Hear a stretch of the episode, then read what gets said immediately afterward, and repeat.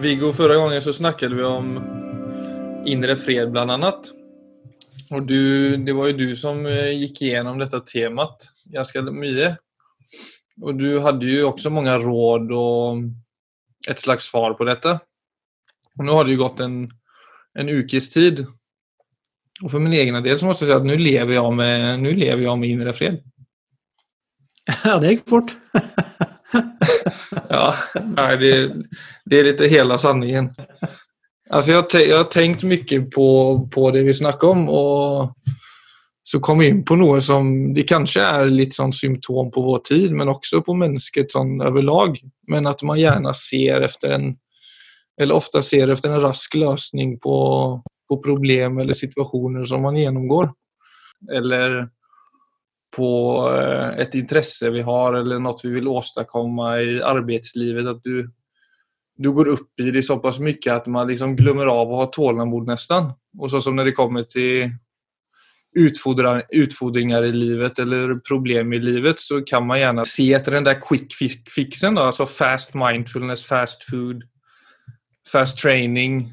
Altså den der raska løsningen vil vi gjerne skal existera. Men så som ja. når jeg tenker på meg selv, så har de skrittene jeg har tatt når jeg har fått det bedre i prosesser, og når jeg har kunnet levere innenfor ulike områden og liksom kommet ut med kvalitet på den andre siden, så har det aldri vært en quick fix-løsning, liksom. Og det er litt sånn altså, Jeg må nesten komme med en, eh, en liten metafor fra, fra, India og Tibet. Ja, altså, absolutt. I, innenfor yogatradisjonen så snakker de på en måte om altså dette med det som kalles oppvåkning. Som da vil være det, altså det høyeste potensialet for, eh, for menneskets indre natur. Mm. Eh, så sier de innenfor yogatradisjonen at det tar 400 eh, 000 gjenfødsler. Ja. Og innenfor buddhismen så, så snakker de med tidsperspektiv liksom fra du, fra du begynner på denne veien til veiens ende, så snakker de om et tidsperspektiv på tre eoner. Det vil si at, det, at universet fødes og kollapser tre ganger. Så som jeg ser sånne kurs, altså helgekurs i oppvåkning, som jeg har sett noen ganger, som jeg trekker på smilebåndet altså det, er, det er noen forventninger til ting uh, jeg tror er mer utbredt i dag enn det var for et par generasjoner siden. Altså, veldig uheldig.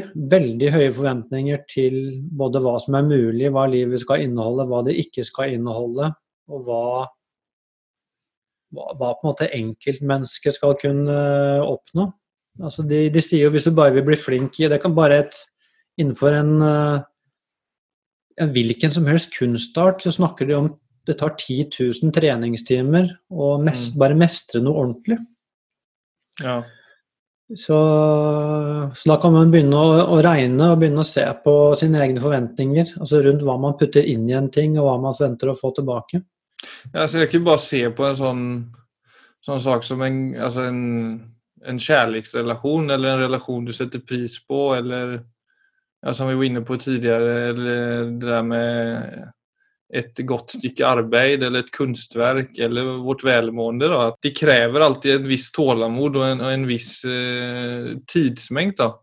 Och icke, ja, altså don't stress your well-being, men at du, at du faktisk ser på det som en livsoppgave. Og sett til hva du sier, så er en, livs, en livstid ikke særlig langt i, i det anseendet heller, men i hvert fall å, å, klare av å ha, ha det med seg, føler jeg er veldig sånn viktig. Ja, kjempeviktig. Altså, hvis vi skal holde oss til temaet indre fred, da, som var det vi tok utgangspunkt i, så, så er det klart at det første man må slippe tak i, er jo å stresse rundt det, eller at man skal få det til, at det er noe man skal oppnå. Så, så alle forventningene rundt det. Og så, og så, egentlig falle til ro med at det er en måte å leve på. Mm. Og, at, uh, og, at, det er en, en, egentlig en veldig gradvis kultivering av menneskenaturen. Og den kultiveringen skjer gjennom å slutte å strebe og begynne å mm. lytte. Man begynne å lytte til, begynne å lytte til livet. Og bli årvåken for din egen interaksjon med livet. For da vil du begynne å få øye på disse lovmessighetene som jeg snakket litt om forrige gang. At du må begynne å se hva er konsekvensen av det jeg gjør. Hva er, hva er konsekvensen av tankemønstrene mine, konsekvensen av forventningene mine, konsekvensen av å begynne å slippe taket. Og så vil man jo gradvis da begynne å finne ut av disse, disse lovmessighetene og begynne å leve i henhold til dem. Og da, klart, da faller jo ting til ro. Men hva skal man begynne da? Altså, jeg tenker sånn, Hvis man er helt ny til f.eks. Eh, mindfulness-holdningen, altså hvor, hvor skal man begynne uten at det blir altfor sånn fremmed eller distansert eller for overveldende? Så, så når man snakker med mennesker om disse tematikkene, så, så, så, kan det ofte være sånn at eh, det er liksom två sidor av det. Vill säga det er noen som driver mindfulness og så er det noen som driver ikke med det. Det er noen som er vegan og så er det noen som ikke er vegan. Og så skal du liksom på en måte sälja hele livsstilen og da blir det liksom bare sånn I don't want it. Det blir too much. Alltså at man, man, man ger en for stor pakke. Också det at mm. man på en måte säger du gjør fel, du gjør fel, du borde ikke spise kjøtt. Alltså det, det, det, det, jeg føler ofte at det er veldig lite sånn møte og også at det også det vanskeliggjør hele den biten å inspirere hverandre. Da. Og det tenker jeg ofte at, eller det har jeg ofte møtt med mindfulness. Det er såpass nytt for en selv da, og det livet man lever, at det, om du da blir servert for mye av gangen, eller det blir en for vanskelig inngang, så blir det bare uaktuelt. Ja, klart det. Altså det, nei, det du sier der, er et, et vanskelig tema. Liksom. Altså, hvor begynner jeg? For det vil jo være forskjellig for alle. For det første så vil jeg si altså Fra mitt perspektiv så er jo dette Dette handler ikke om klubbvirksomhet. Og det handler ikke om å gå fra et regelsystem til et annet. Altså, jeg vil si det, det begynner nesten med å begynne å slippe tak i den type ting, og lete etter den ytre oppskriften for, uh, for et liv. Og så skal jeg prøve å få min natur til å passe inn i en oppskrift. Altså, det ender bare i rebellion. Og det skal det aller helst gjøre, for at vi, vi motsetter oss oppskrifter, for vi er jo grunnleggende frie. Så hvis jeg skulle si egentlig hvor begynner det, så må det jo For det første så må det begynne med en det må begynne med en ekte interesse. Og det er ikke noe man kan uh, bare knipse i fingrene og si at nå, nå er jeg plutselig interessert. Det må, det må, være et eller annet som, som, gjør at du har lyst til å vende blikket.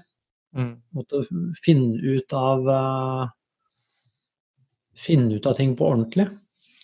Og så vil jeg si da at det neste er eh, Det første stikkordet som vil være relevant for alle, det er ærlighet.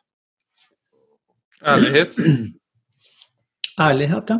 Begynn å du må, ta et, du må ta et blikk på deg selv. Et ærlig blikk på deg selv. Og det kan være Det kan være nyttig å gjøre skriftlig. Men hvis, hvis, eh, du bare prøver det ut, altså hver eneste kveld før du går og legger deg, se deg i speilet, og møt dine egne øyne i speilet. Bare det kan være ganske sterkt. Hvis du bare ser på, gjør det dag etter dag etter dag, og ser hvordan har denne dagen vært? Har jeg i dag vært Har jeg vært ærlig overfor meg selv? Jeg snakker ikke nå om å være ærlig og si hva begynne å si liksom at uh, Fortelle andre hvordan de er. Det, det er ikke ærlighet. Nei. Men å være ærlig overfor seg selv og se har min ferd i livet i dag vært på plass? Mm. Eller har jeg, har jeg, sviktet? Har jeg vært uh, Har jeg tatt på meg maske? Har jeg spilt en rolle? Har jeg veket unna ubehag og tatt noen enkle løsninger? Mm. Så den type ting, det er helt universelle ting som ikke tilhører Det heter egentlig ingenting. Altså det, er, det vil jeg kalle menneskemåten. Å begynne å Akkurat du går ved siden av deg selv, men altså med en sånn vi vet, vi vet jo alt om oss selv. Så hvis jeg gjør noe som jeg egentlig ikke står inne for, så kjenner jeg det med en gang. Men fordi det er ubehagelig, så har vi en tendens til å legge Vi prøver å dytte bort den formen med ubehag, og så stikker vi, så stikker vi jo inn i altså entertainment og underholdning og sånne ting. Men når det blir stille, så blir vi konfrontert med den indre stemmen. Så istedenfor å se at den egentlig er en uvenn og kommer med ubehagelig informasjon, så er den egentlig en venn som kommer med, kommer med beskjeder fra ditt indre om at Viggo, nå Dette funker ikke. Nå er du på feil vei. Altså for meg så handler det om å se at vi er utstyrt med alt dette, men vi, vi er ikke vant til å tenke på det som intelligent informasjon. For Da vil du etter hvert gå i fred, for at hver gang jeg gjør noe som jeg fra meg selv egentlig ikke står inne for, så skaper det uro. Og den uroen er egentlig en beskjed om at hei, vær litt på vakt her, for dette, dette leder den veien. Og så vil du se det innimellom, hvis altså det, å være, det å være ekte Hvis du kjenner på de ordene, så vil du kjenne at det, du vil kjenne at det er noe. Og det tror jeg alle mennesker vil kjenne igjen.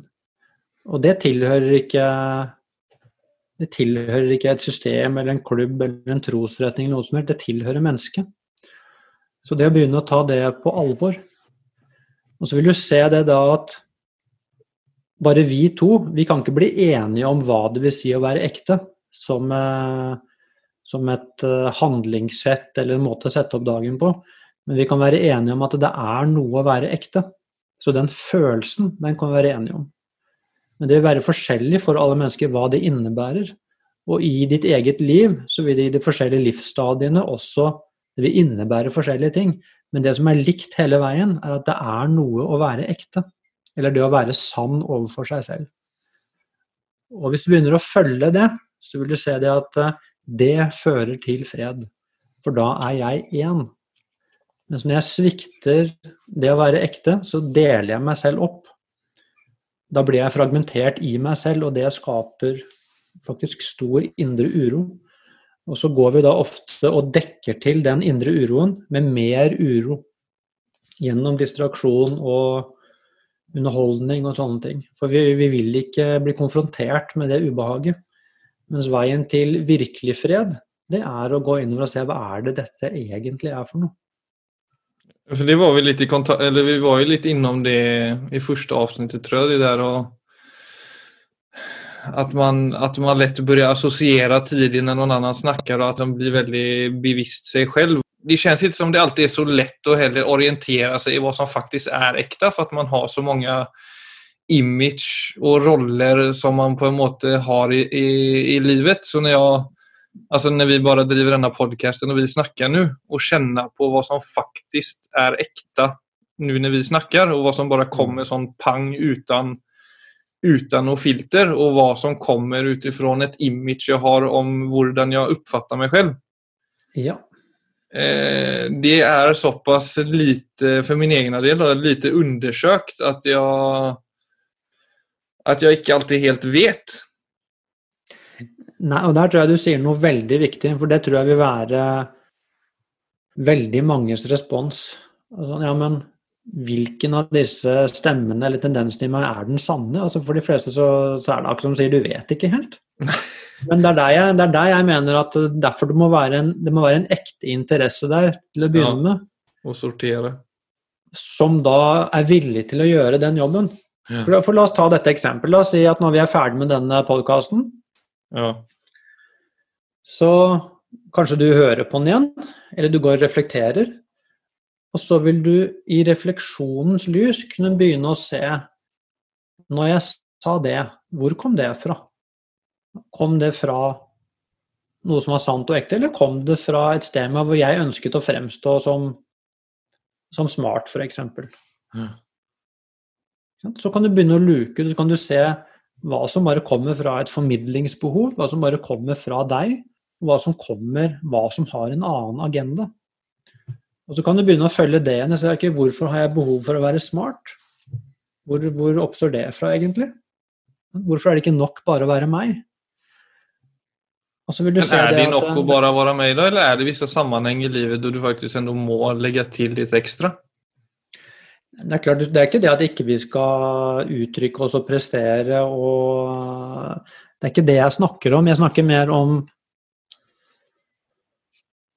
du vet, hvis, Når du faller til ro, altså hvis sinnet ditt faller til ro, så vil du se det at at det, det å være seg, det er det samme som å smelte sammen med livet. Så det er det eneste stedet som alltid er nok. Ja. Mens vi ofte hører det sånn Det å bare være meg, så er det akkurat sånn Det er jo ingenting, liksom. Altså, det er lille Viggo fra Horten, hva er det for noe? Det er det det jeg skal presentere? For vi vet ikke hva det vil si å være oss. For vi har ikke falt til ro med det. Så vi tror ofte det at meg er denne usikre lille klumpen som går rundt i livet. Det er ikke det som er deg. Så det er noe med å falle nok til ro til å finne hva er det egentlig jeg er? Og når du begynner å smake på hva det er, så vil du se at Eh, det er evig nok. Og Det er klart, det er derfor det er så viktig å falle til ro, for når du begynner å få smak på det, så vil jo de andre strategiene da vil de begynne å dempes av seg selv. For da vil du se at det er egentlig ganske dårlige substitutter. Et substitutt for liv. Men det betyr ikke da at når du finner deg selv at du bare sitter stille og på en tue for deg selv.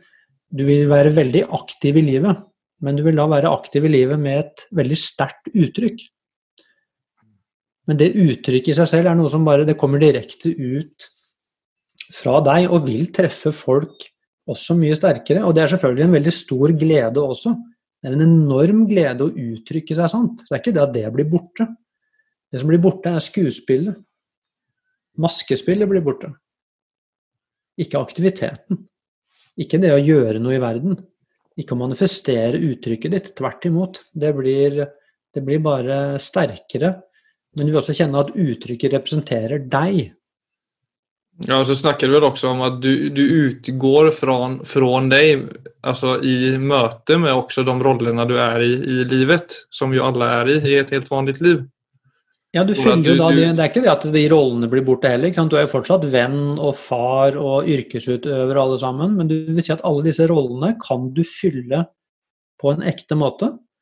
Men du kan også gå inn i de rollene med egentlig bare å tilpasse deg. At man blir en, I verste fall så snakker jeg sort-hvitt, man blir en sånn kameleon. Og så gjør man bare det som forventes i hver av rollene. Så setter man seg selv på sidelinjen.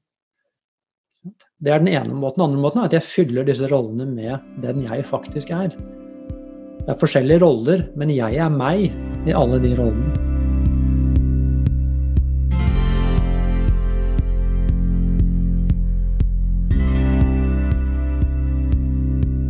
Jag var innom en undersökelse som eh, Storbritannien hade gjort nu i disse dessa coronatiderna.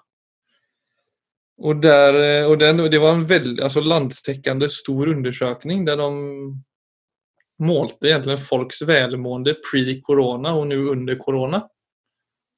Och alltså resultatene der er egentlig extremt interessante. For det som, det som har visat seg det er at välmåendet generellt sett i hele landet har stigit efter at corona kom.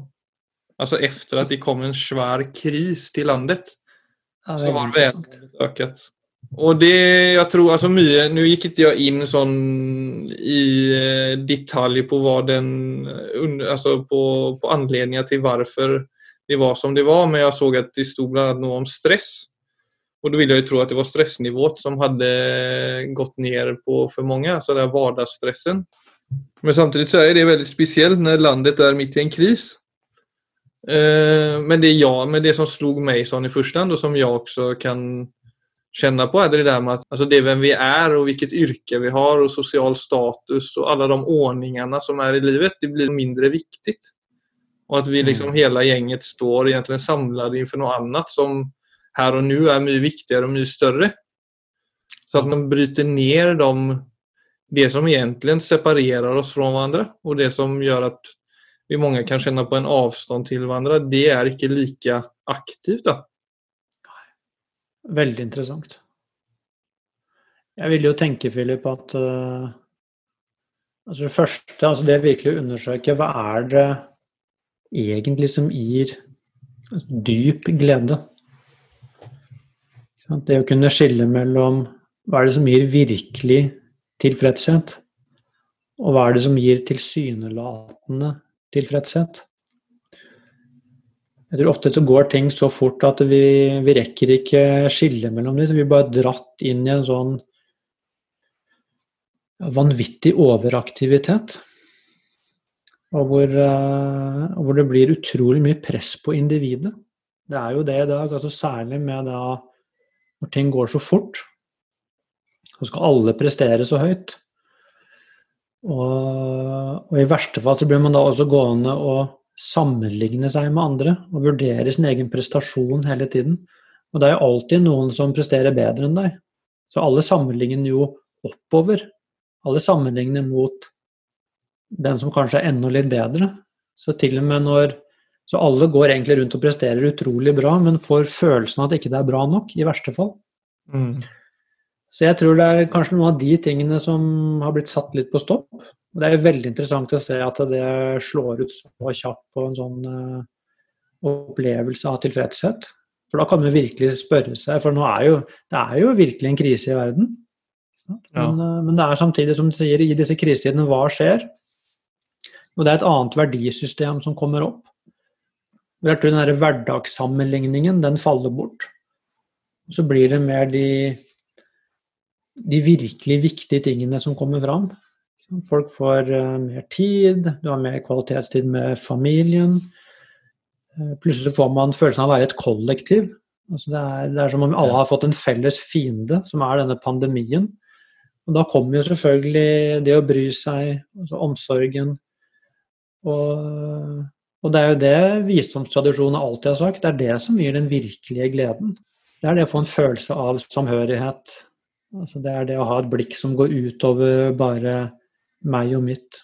Og det tror jeg det er mange som opplever i denne tiden. Så, ja, så det, det er noe å reflektere over i etterkant også. Ja. Og så på ett plan at det samtidig sikkert blir mer sårbart også. Altså at du, du blir tvungen til å komme, komme, i kontakt med det som faktisk er meningsfullt i livet. At du lever ikke lenger bare på den ytan som vi ser bare på Norge. da eller Sverige for den delen, men at du lever i et veldig trygget samfunn. Mm. Der kriser er veldig langt borte fra vår virkelighet. Ja. Og da blir det også, som du sier, de grunnleggende, litt dypere verdiene, som mening f.eks. At det, det Paradoksalt nok så blir det liksom fjernt i, i en situasjon som er altfor trygg. Men plutselig, ja. når ting omskakes litt, så faller, du liksom ned i det som, som gjør at livet blir verdt å leve på en annen måte. da. Ja, Er ikke det også interessant? Det er sånne ting jeg håper vi fortsetter å reflektere over når dette er over. Du lever liksom rått? ja, se at veien til det gode liv går ikke gjennom uh, altså trygghetssøking. Man må våge Sårbarhet er et ord som som mange ser på som negativt. At det å være sårbar er noe man ikke ønsker. Men uh, det vi tror det er noe svakt, ofte. Mm. Men hvis du tenker på sårbarhet som, som å være mer, altså litt naken Du har ikke denne rustningen på deg av, av beskyttelse, men du, du, tar den rustningen av, og så ser du det at du har jo ikke så mye kontroll i eksistensen. Det er jo det er sånne ting jeg ble tvunget til å gjøre som munk. Noe av det første man gjør. Man må sitte og meditere over døden. Jeg syns det var veldig rart til å begynne med, og jeg syns bare det var skremmende. Ja. Men hele hensikten med det var jo det å nettopp å åpne opp alle disse illusjonene som vi går rundt med, og se at livet er ikke for evig. Eh, ting kan endre seg når som helst. Vi, vi aner egentlig ikke noe om neste øyeblikk, og det er så skremmende for oss at vi helst ikke vil ha berøring med det. Men hvis du våger å, å, se på det, for det er jo faktisk sånn det er, det er jo en viktig ting. Det er faktisk sånn det er. Så vil du også bli da, da, For da kommer de viktige tingene. altså Det som har virkelig verdi, vil da komme fram. Hva er det som har verdi i det perspektivet? Altså bak frykten nå?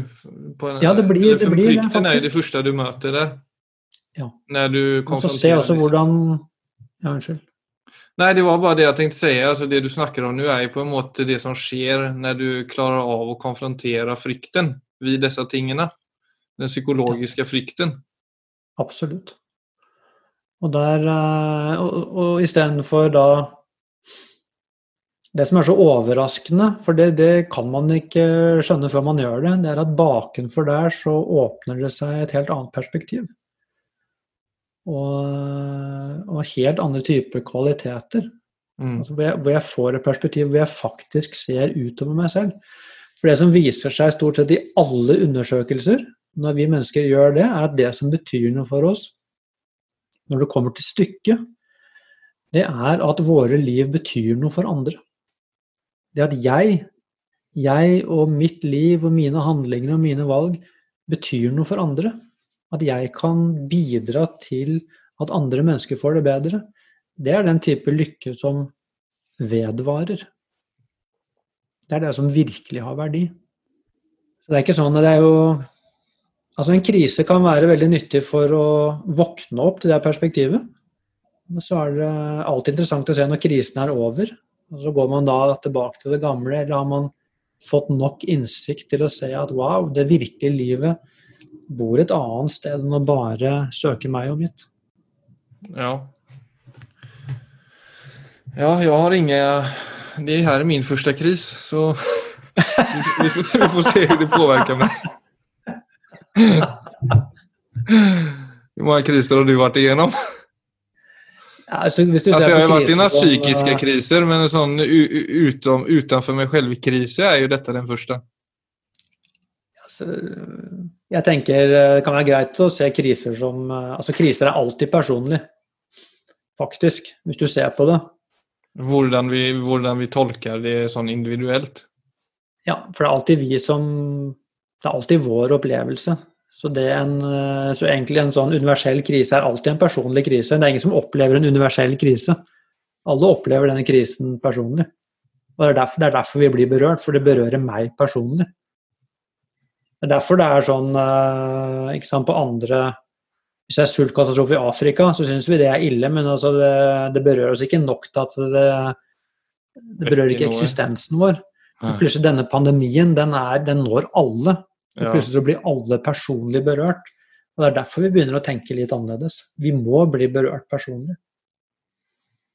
Det viser seg også at mange med eh, angst og tvangstanker hadde liksom fått en stor redusering av dette i samband med at korona kom. Det er, jo, det er jo nesten til å le av. Det er utrolig interessant. Det er alltid verre det som er oppi hodene våre, enn det som livet faktisk byr på. Så det å virkelig oppleve en krise kan være ganske beroligende, for du ser det at ja, ting er jo stort sett som før. Det, mens oppi hodet ditt, når egentlig alt er trygt, så det, alle disse bekymringene dukker opp, så er det jo ikke grenser for hva som kan skje. Men det du ser i real life, det er at når noe skjer, så finner vi alltid en løsning. Og det er veldig ålreit å oppdage.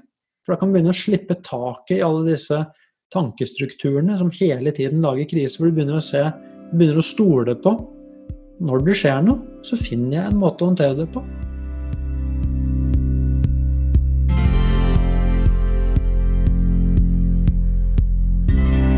Takk for i dag. Neste uke så skal vi drepe noen myter om mindfulness. Vi høres da.